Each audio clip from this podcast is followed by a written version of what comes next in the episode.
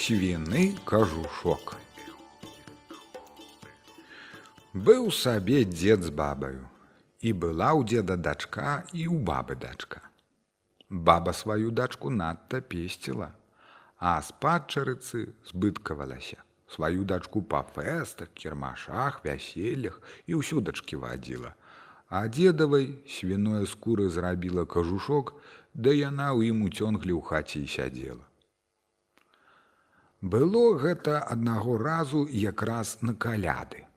Паехала баба з дзедам, узяўшы сваю дачку да касцёла, а сіраціну так, як заўсёды, пакінула ў хаце, ды яшчэ дала ей мерку маку, змяшаўшы з попелам, каб яна яго чыста перабрала.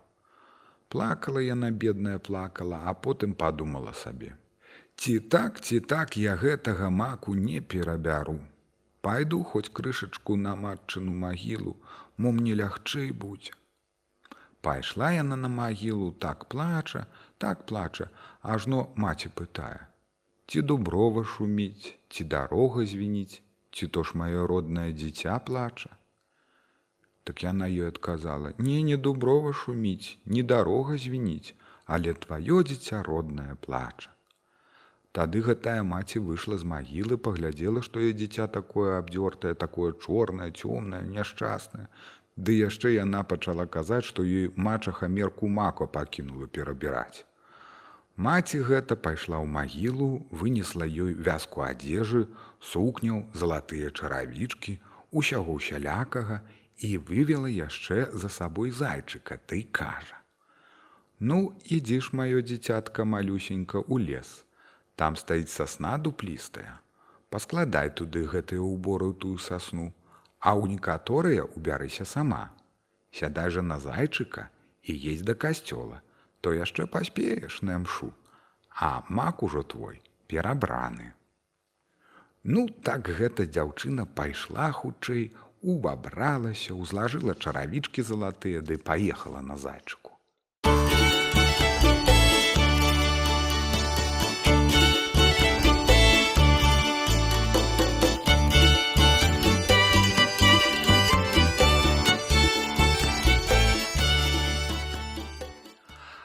Ажно як увайшла яна ў касцёл, то зрабіўся такі бляск ад яе сукні, што людзі адны другіх не бачылі.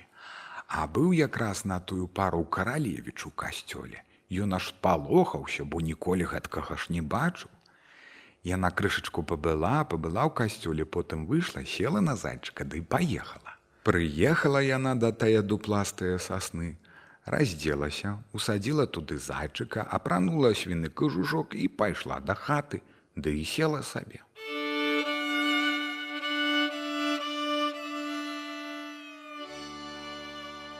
Прыходзяць тыя бацькі з касцёла. Паглядзела мачыха, што мак перабраны, аж галавой закруціла. Ну так гэта сіраціна стала пытаць у яе. Мая мамачка, што вы там сёння бачылі і чулі? Ужо ж ты такога кажа, не будзеш бачыць, што мы бачылі. Такі бляск быў у касцёле, па ўсім касцёле. На другі дзень выбіраюцца зноў яны. Так ужо яна просіцца, так просіцца, возьміце ж мяне з сабою і я пагляжу таго дзіва. А мачыха як вызверыцца на яе, ды яшчэ ўсадзіла і грымака ў плечы. Куды кажа табе свіны кажушок? Мая дачка не табою, а нічога там не значыць. Будзе даволі, што сёння цябе работы не пакіну, сядзі так, Ды паехалі самі. А яна ж крышачку падаждаўшы, пайшла зноў сабе да дупла, яшчэ лепшую сукенку апранула, села на зайчыка ды паехала.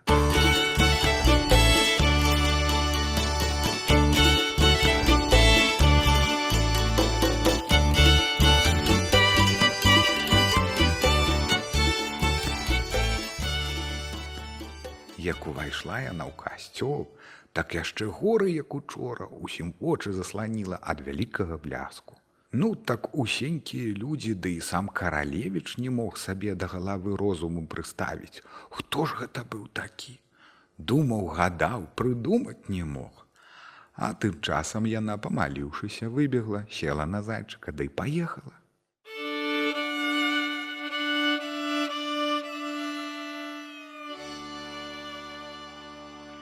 Тыя бацькі прыехалі, ажно ўжо дзеўка зноў у свіным кажушку, да яшчэ пытае: « А што, кажа, мо сёння была тая паненка ў бляску. А мачаха нешта не рада была, толькі зыркнула на яе. Што табе да таго свіны кажушок?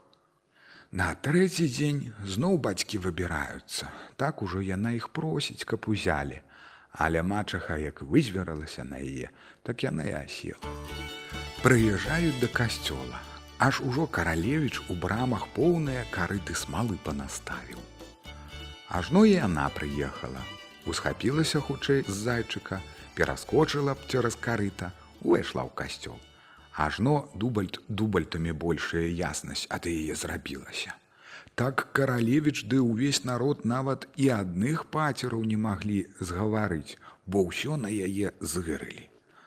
Памшы выходзіць яна, пераскочыла праз адно карыта, праз другое, а апошнім неяк пакаўзнулася, ды ўграз яе залаты чаравічак у смале. Так яна з вялікага паспеху чаравічак не вымала, ды хутчэй паехала. Ну так каралевіч той чаравічак узяўшы, давай ездзіць ды мераць, да чые ж гэта нагі прыпадзе. Аб'ездзіў усюль не, не прападае на нічый. Урэшце прыехалі ў тое сяло, дзе свіны кажушок жыве. Ходзяць яны па сяле мераючы, а мачаха хутчэй сераціну навярнула карытам, а сваёй дачцэ хутчэй ногі памыла, ды да папрыскала, каб яны былі маленькія. Ажно ўваходзіць у хату. Прымералі старой нічога.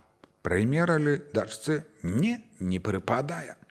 Каралевіч пытае: « Мо у вас яшчэ якая жонка ці дзеўчына ёсць? Так мачаха: « Не кажа, няма больш ані кагусенька. А адзін сусед кажа: « А дзе ж ваша дутая дурная падзелася, трэба на яе змерыць. Дык яна вось пад карытам. Вось ж яна дзе. Адвярнулі карыта, вылезла яна, узлажылі чаравічак, ажно якраз прыйшоўся па назе. Усім дзіва такое стала, а каралевіч кажа: « Ну, цяпер садзіся за мной у залаты коч, будзеш маёй жонкаю. Села яна, ды паехалі. Ехалі яны каля дуплістыя сасны. Яна злезла, скінула кужушок, ды злажыла залатыя шаты і забрала зайчыка. Прыехаўшы, каралевіч пусціў пагалоску ўсім панам, каб з'язджаліся на вяселле. Так і мачаха, даведаўшыся, таксама паехала паўзірацца. Вядома, як жа зайздрасна на тое дзіва. Ажно такое было вяселле і лепш быць не можа.